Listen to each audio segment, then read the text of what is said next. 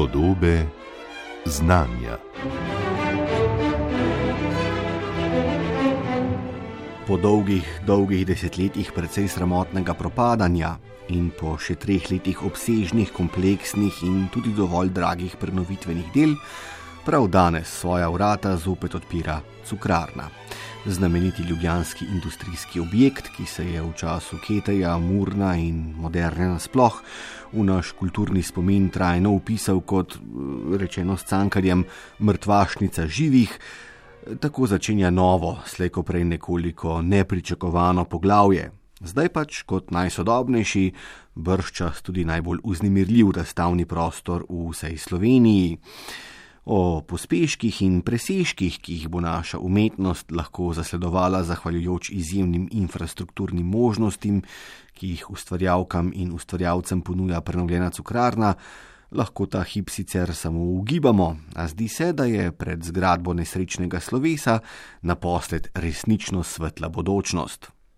Pa vendar se bomo, spoštovane poslušalke in cenjeni poslušalci, v današnjih podobah znanja, raje kakor v prihodnost, zazrli v preteklost poslopja na Ljubljanskem poljanskem nasipu, ki je še bolj zanimiva, nenavadna in pomembna, kakor bi si ne mara mislili. Pri tem nam bo v pomoč dr. Blaž Vurnik, zgodovinar, kustos za novejšo zgodovino in vodja kustodijatov Mestnega muzeja Ljubljana. Dr. Vurnik se namreč znanstveno raziskovalno posveča industrializaciji slovenskih dežel v 19. stoletju, da je izvrsten poznavalec slovenske moderne, pa kaj pa da vedo vsi, ki so prebrali odmevni in nagrajevani strip Ivan Cankar podobe iz življenja, ki ga je naš današnji sogovornik pred nekaj leti ustvaril z Zoranom Smiljaničem. Vse to pa pomeni, da je Blaž Vurnik naravnost idealen sogovornik za pogovor o zgodovini cukrarne. Gospod Vurnik, lepo pozdravljeni, dober dan. Dober dan. No, zdaj, dokler so bile slovenske dežele v državno-pravnem okviru Habsburške monarhije, je veljalo, da so nekako industrijsko podrazvite, ne? da je pravo industrijsko srce Habsburškega imperija na severu, Avstriji, pa na Češkem. Ne? Ampak vendar očitno ne, je kar dovolj zgodaj industrija prišla tudi v naše kraje in čeprav razumem, je pravzaprav cukrarna ena izmed prvih lastov, ki imam prav. Ja, to je vse res. Ne? Slovenske dežele so v tistem času gotovo bile prostor na obrobju nekega industrijskega razvoja Evrope. Za Habsburške dežele sploh velja, da so nekoliko zaostajale za industrijskim razvojem Zahodne Evrope. No, za slovenske dežele pa velja, da so pa nekoliko zaostajale za Habsburškim kontekstom industrijskega razvoja. Ne. Tako da tukaj v teh naših krajih seveda obstajajo več razlogov, zakaj je temu bilo tako, ne samo ta geografska pozicija eh, slovenskih dežel. Ne. Eh, gre za to, da je tukaj na tem prostoru vladala nekakšna obrtna mentaliteta, bi lahko rekli. Ne. Tukaj so, če rečem, domači gospodarstveniki ne, bili vezani še na to obrtno, tudi manufakturno proizvodnjo. Ni jih bilo veliko takih, ki bi jih lahko imenovali vizionarje, so pa bili med njimi recimo takšni, ki bi jim lahko rekli avanturisti. Ne? In takšni so recimo hodili tudi po Evropi, obiskovali industrijske razstave, se zanimali za novosti in te novosti v skladu s svojimi možnostmi prinašali tudi domov. Ne. Zdaj, kar se tiče teh možnosti, je pa takole. Ne. Kapitala zelo veliko za nekaj tako novega, kot je bila industrija.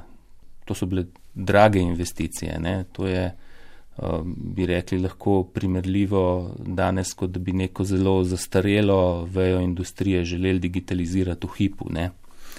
Eh, skratka, malo je bilo tega kapitala tukaj. Ne. Tudi zato, je značilno, da večji del industrije na slovenskem in tudi v Ljubljani pravzaprav nastane s pomočjo kapitala, ki ni bil tukaj domač. Tudi te prve cukrarne v Ljubljani, ne? Zdaj ta, o kateri se danes pogovarjava, ni prva. Prva je nastala tukaj pravzaprav čisto v bližini današnje zgradbe Radia Slovenije na križišču Kolodvorske in Pražakove današnje. To je bila takrat v prvi polovici 19. stoletja tako imenovana Blatna vas. Eh, tukaj je nastala prva cukrarna, eh, že nekaj mesecev pred tisto drugo, torej tisto, ki je bolj znamenita. No, ta druga je nastala proti koncu leta 1828 in v tej cukrarni je pravzaprav nastopal tržaški kapital. Ampak čemu se tržačani niso odločili, da bi cukrarno gradili kar lepo pri sebi, saj mesto je bilo vendar eno največjih v monarhiji, izjemno pomembno pristanišče za celotno srednjo Evropo. Odkot odločitev za Ljubljano? Ja, ne samo, da je bilo veliko pristanišče, bila je tudi tako imenovana prosta luka. To pomeni, da je še v začetku 19. stoletja pravzaprav so veljala posebna uh, davčna in carinska pravila in obveznosti teh tako imenovanih prostih luk. No, leta 1818 pa se je uveljavilo v državi načelo, da se lahko cukrarne postavljajo tudi v notranjosti ozemlja monarhije z pač enakimi carinskimi obveznostmi, kot so jih imele te proste luke. Tukaj je država seveda želela vzpodbujanje Eh, gospodarskega razvoja v notranjosti dežel, ne samo na teh idealnih prostorih trgovine in transporta, kar sta bila recimo Trst in tudi reka eh, v kontekstu Habsburške monarhije, seveda. Ne. Eh, tako da je potem Ljubljana nekako bila pravo mesto. Prometna povezava med Trstom in Ljubljano je bila odlična. Vmes je še dobrih 20 km Ljubljanice, ki je bila ne samo plovna, ampak tudi zelo uh, zasedena reka, zelo veliko rečnega prometa je bilo na njej. V Ljubljani je bil tudi carinski urad, tako da ni bilo treba daleč, če tako rečem. Ne. Ljubljana je bila tudi mesto, ki se je razvijala, veliko ljudi je prihajalo v mesto iskati delo. Uh mhm. -huh. To je čas, uh, ko podeželje okoli Ljubljane oziroma nasploh na slovenskem se vedno bolj pauperizira, postaja revno, vedno več ljudi nima kam in hodijo v mesto iskati delo. Ne. Vse to so bile okoliščine, da je bilo vredno razmisleka, ali bi si v Ljubljani postavil tovarno. Pa je ta tovarna bila kokoški, ne se zlata jajca? Ja, na vsak način. Ne. Torej, cukrarna je proti koncu leta 1828 začela skromno, z nekaj deset delavci, z enim varilnim kotlom. To ni bil velik obseg proizvodne. Ne. Potem pa je v četrt stoletja pravzaprav narasla na 200 zaposlenih, na šest varilnih kotlov. Delala oziroma obstajala pa je v objektu, ki je bil takrat največji objekt v Ljubljani nasploh. Ne. In še nekaj desetletij se je potem ohranil ta status cukrarne kot pravzaprav volumensko najobsežnejšega prostora v mestu. To je eden od vzrokov tudi, da je potem se kot stavba obdržala. Ne? Razumem.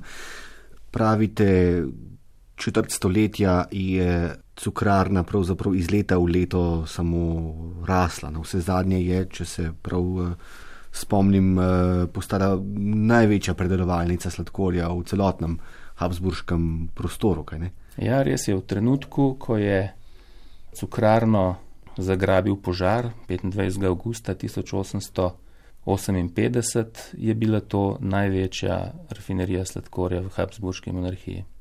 Kako velik požar pa je to bil, eh, dr. Vurnik? Sprašujem se namreč preprosto zato, ker če je bila cukrarna tako gospodarsko zelo uspešna, ali so jo potem uh, uh, mogli uh, uspešno sanirati?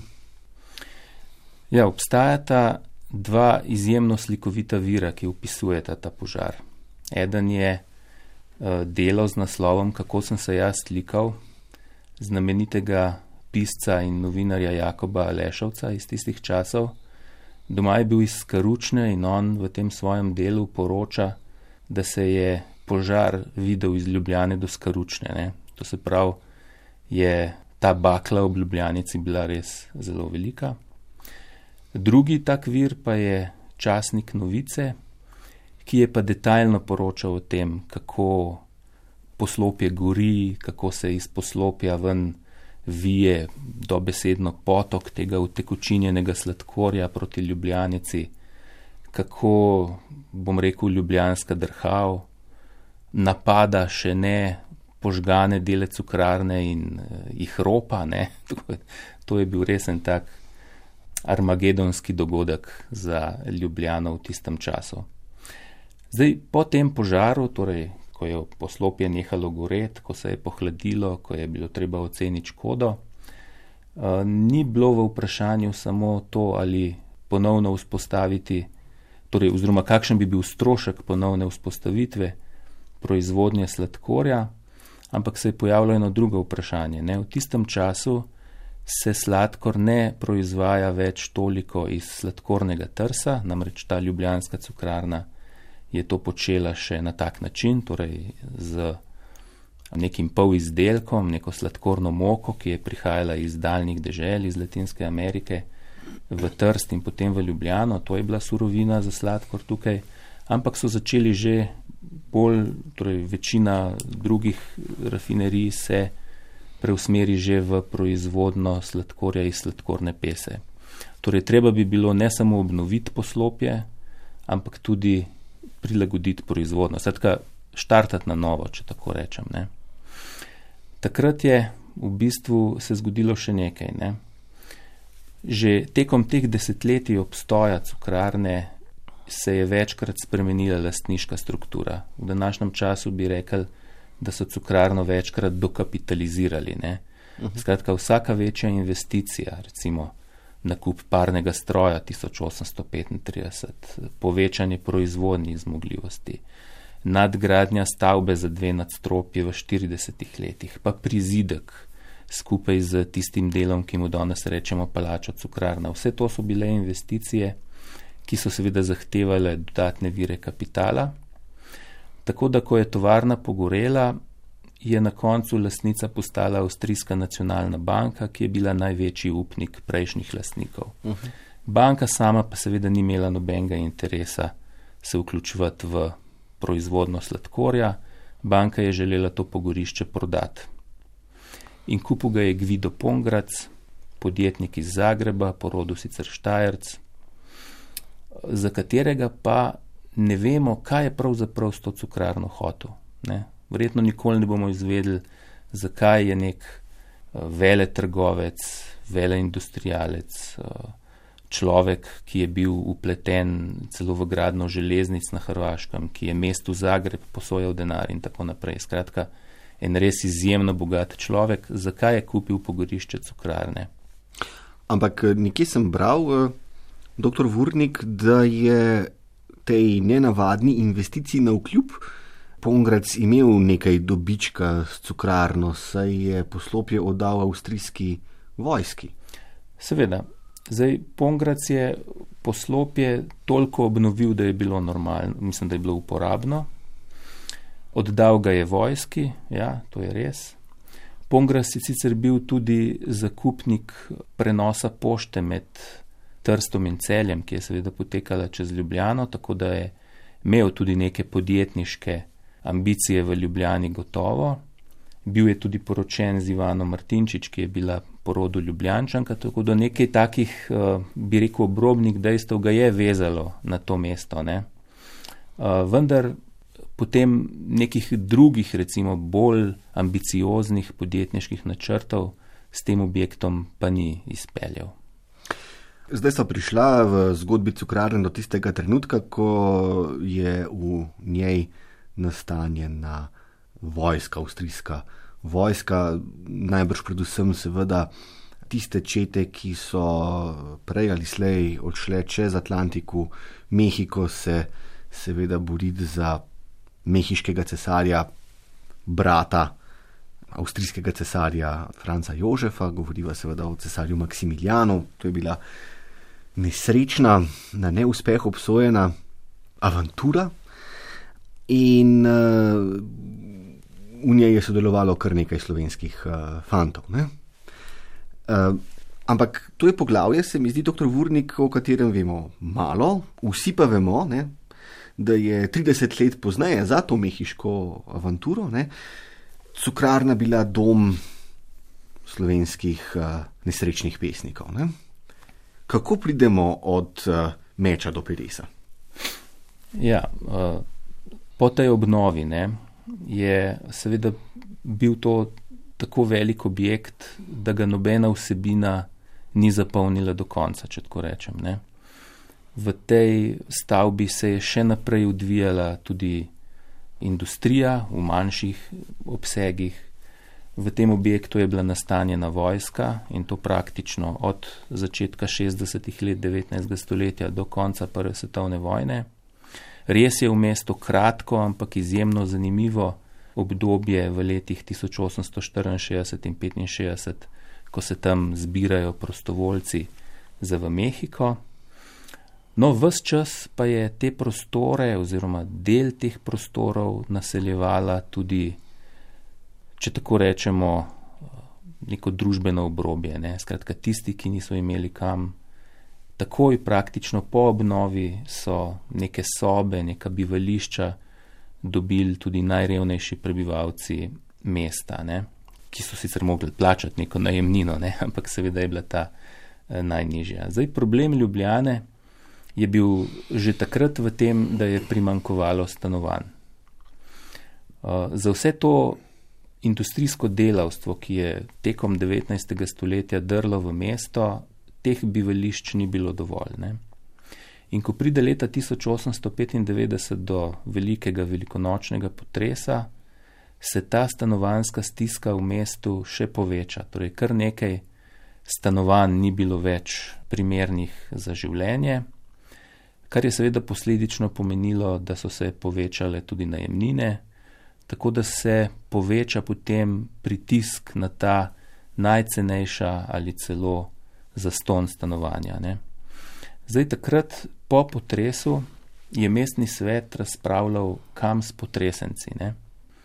Eh, kam začasno naseliti te ljudi. In takrat je padla v tej debati tudi ideja, da imamo Pongračevo vdovo prositi, če lahko naselimo jih tja. Ampak je del mestnih svetnikov temu nasprotoval, rekoč, da je tam tako slabo stanje, da niti tja nihče ne bi račal. Ne?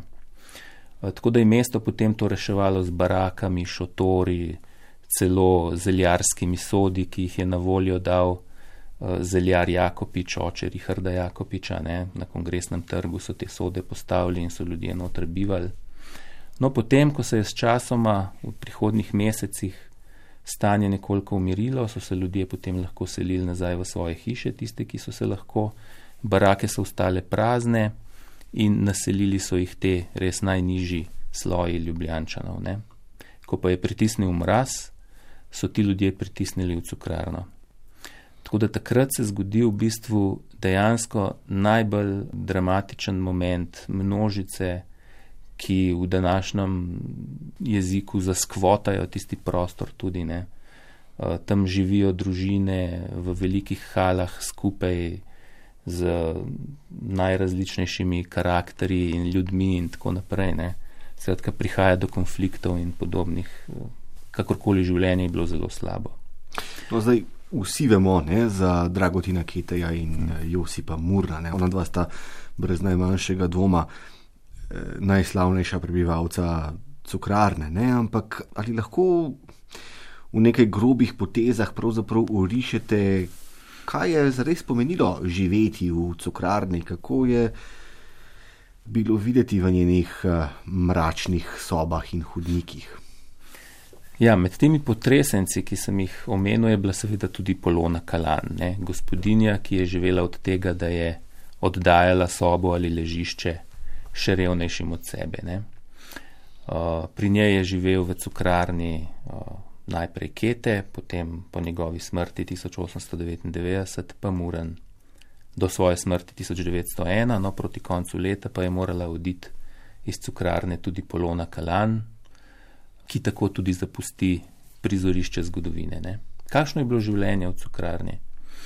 Uh, v resnici bi se lahko samo mislili, da je bilo zelo slabo, da so bile katastrofalne higijenske razmere, da je bilo notri prav gotovo tudi nevarno ne? in tako naprej.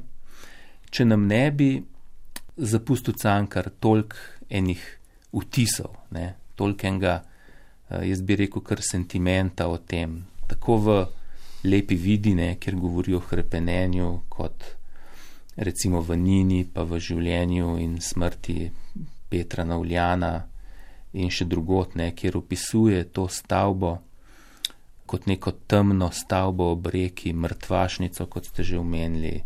Skratka, prostor vsega slabega, depresije, bolezni, smrti, brez upa, ne? lahko bi naštevali še uh, vse možne te negativne izraze počutja in stanja, v katerem se znajde. Tako je bilo, ne? tako si lahko predstavljamo. Prostor, kamor so se zatekli uh, reveži, kamor so se zatekli umirajoči. Uh, zdaj pri tej poloni kalan, ne, kot so nas uh, učili vsaj našo generacijo še že v osnovni šoli, uh, so se zbirali potem tudi drugi predstavniki moderne, ne, prijateljema, najprej Ketev in Murno, potem so hodili Cankar, Župančič, Cvetko Golar in tudi drugi inteligenti tistega časa. Ne.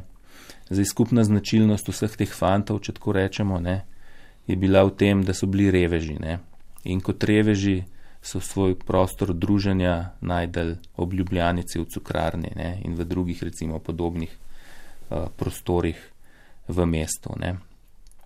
Uh, seveda cukrarna je potem postala spomenik moderne uh, in jaz sem skoraj da pripričan, da če cukrarna ne bi bila spomenik moderne, da se danes ne bi pogovarjala o obnovljeni hiši, ampak da te hiše verjetno ne bi bilo več. Ne.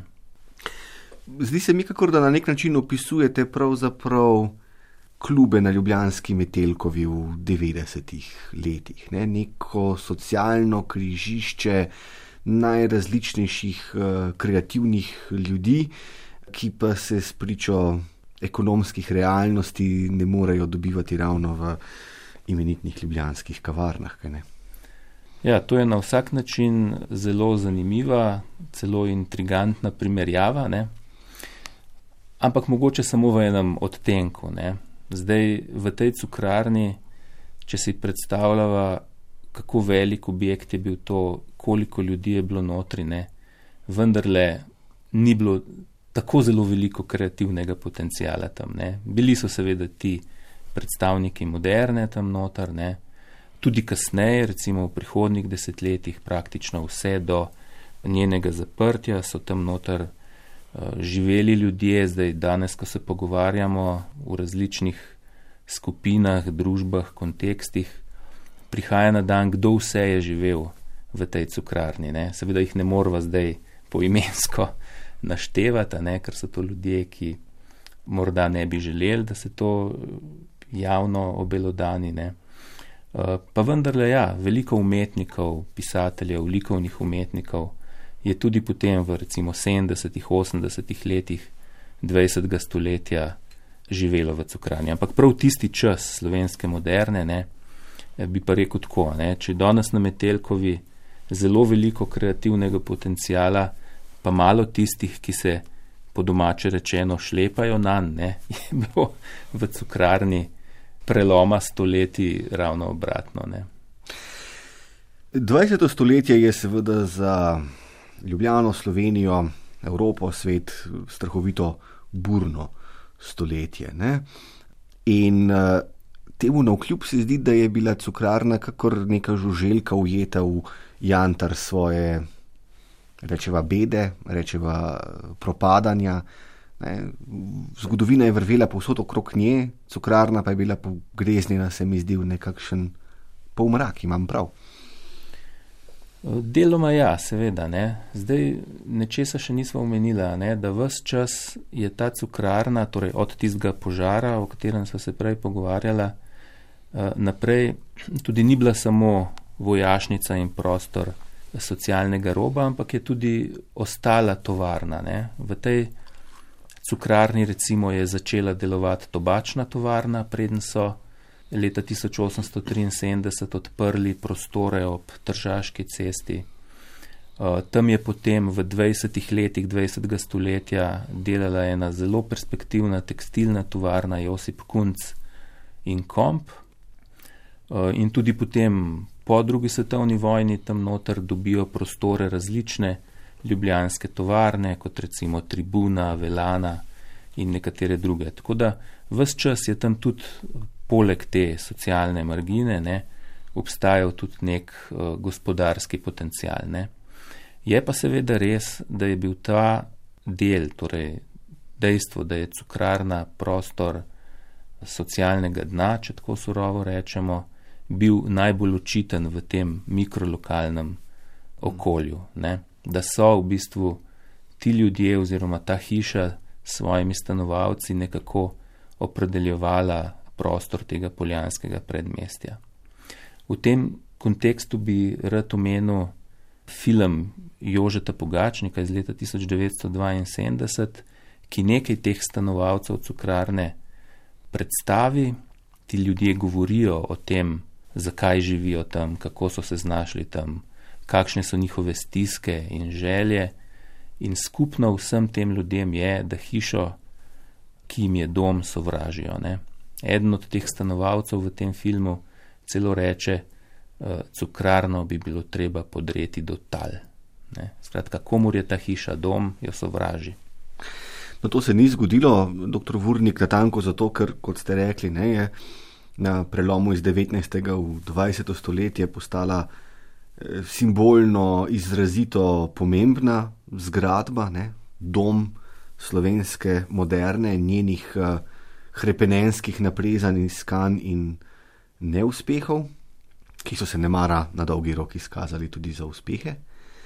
Ampak, seveda, eno je simbolni kapital, drugo pa je tisti pravi kapital, resnični kapital, ki je potreben za to, da propadajoči objekt uh, rešimo pred uh, pogubo. Ne? In zdi se, da mestne oblasti nikoli niso, ali kdo drug, nikoli ni imel eh, ne prave volje, ne dovolj debele denarnice za kaj takega. Kaj vse so pravzaprav hoteli narediti v recimo, času po drugi svetovni vojni s cukrarno, pa se ni išlo. Ja, cukrarna je bila po drugi svetovni vojni seveda podržavljena. Torej, predtem je bila v lasti družine Urbans, ki je sicer najbolj znana po trgovini ob začetku Trubarjeve ceste. Ne. Franc Urbanc je bil tisti, ki je kupil cukrarno od Josipa Kunca, ko je njegovo tovarno gospodarska kriza sredi 30 let uničila.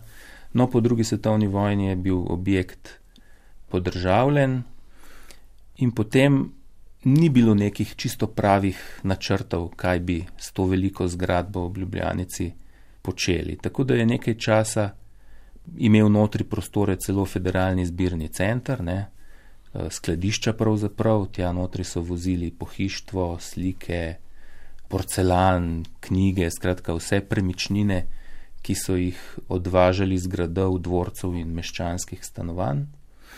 No, potem je, kot sem že prej omenil, so bile notri različne tovarne, skladišča, delavnice, prave volje za to, da bi pa to hišo obnovili v celoti, pa seveda ni bilo nikoli. Ne. Pravzaprav prvi zelo konkretni načrti se začnejo odvijati oziroma razvijati sredi 80-ih let, ko je ne samo postalo jasno, da jo bo treba obnoviti, ker je sanitarna inšpekcija zaprla uh, prenočišča zaradi slabega stanja, Eh, ampak tudi stanovalci Poljan so začeli zahtevati, da se stavba bodi si obnovi, bodi si podre. Ne. Skratka, sredi 80-ih let je to prava ljubljanska sramota, kot so rekli, in takrat začnejo razmišljati, kaj z njo narediti. Ideja takrat je bila, da bi cukrarno obnovili na način, da bi v njej dobili prostore, torej v pritličju bi bila trgovina, to je bila želja okoliških stanovalcev, v višjih nadstropjih pa bi uh, notri naselili obrtnike, storitvene dejavnosti. Ne. Skratka, en tak minimundus vsega mogočega bi tam notri nastal, vendar do te obnove ni prišlo. Uh, druga zamisel obnove, večje obnove, ne, je bila potem v 90-ih letih 20. stoletja, ko naj bi v cukrarni nastal prvi nakupovalni center, v bistvu shopping mall ne, v tem delu Evrope. Tako da takrat so tudi resno začeli z obnovo, če tako rečem, ampak v bistvu samo nekaj takih bolj ali manj uničujočih posegov, eh, kaj več se ni takrat zgodilo. Ne. Potem v bistvu se začne pa proces denacionalizacije, kar pa pomeni, da nihče ni s to stavbo hotel več nič imeti. Ne. Takrat v bistvu se začne spet zelo slabo obdobje te stavbe, skvot. Takrat se v bistvu v stavbo začnejo naseljevati brezdomci, odvisniki, kriminalci, tudi če tako rečem. Ne. Takrat se tam notri začnejo tudi dogajati slabe reči, če tako rečem. Večkrat posreduje policija. Do trenutka, ko so, mislim, da leta 99 ali pa leta 2000 vhode in okna v prvem nadstropju preprosto zazidali. Ne. Takrat je potem cukrarna začela čakati dve desetletji pravzaprav na to obnovo, ki smo ji zdaj priča. In ki je prav danes obrodila izjemen sad, razstavni prostor, galerijo, prireditveni prostor, ki mu v Sloveniji najbrž ni para, zdi se, kakor da je to stavba, ki bi utegnila našo kulturo potegniti globoko v 21. stoletje, tja proti 22. Kako vi, dr. Blaž Vurnik, pravzaprav ocenjujete? potencijalno prihodnost eh, cukrarne. Je s to investicijo v novo galerijo, pravzaprav eh, mestna občina Ljubljana, končno prekinila ta 170-letni začarani krok eh, nenehnega propadanja in drsenja nižje in nižje, da se je s tem dejanjem končno obrnilo poglavje, ki se je začelo s tistim uničujočim apokaliptičnim požarom leta 1858. Ja, jaz mislim, da ni vzroka, da ne bi bili optimistični v tem pogledu. Ne? Vendar le cukrarna nikoli v teh stoletju in pol in še več od tistega požara, torej v 170 letih, kot pravite sami, eh, ni bila nikoli tako obnovljena, kot je danes. Ne, ne samo to, tudi nikoli ni dobila tako določene vsebine, kot jo je dobila danes. Ne. Prostor, kakršen je zdaj nastal, ga Slovenija še nima. Ne. Prostor, v katerem bo zdaj delovala ta galerija Cukrarna, je nekaj novega. Ne. Tudi način, želja, kaj naj bi se v njem dogajalo, je pri nas popolnoma nov. Ne. Tako da jaz mislim, da čaka to stavbo končno po vseh teh desetletjih in stoletjih uh, svetla prihodnost na vsak način. Doktor Blaž Vurnik, najlepša hvala za ta iskriv pogovor in za vsa pojasnila. Ja, hvala lepa za povabilo. Vam, spoštovane poslušalke in cenjeni poslušalci, pa seveda najlepša hvala za pozornost. Srečno!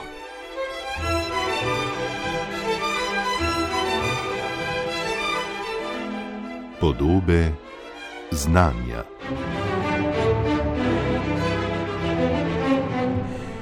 S tem smo prišli do konca tokratnih podob znanja. Gost pred mikrofonom je bil dr. Blaž Vurnik.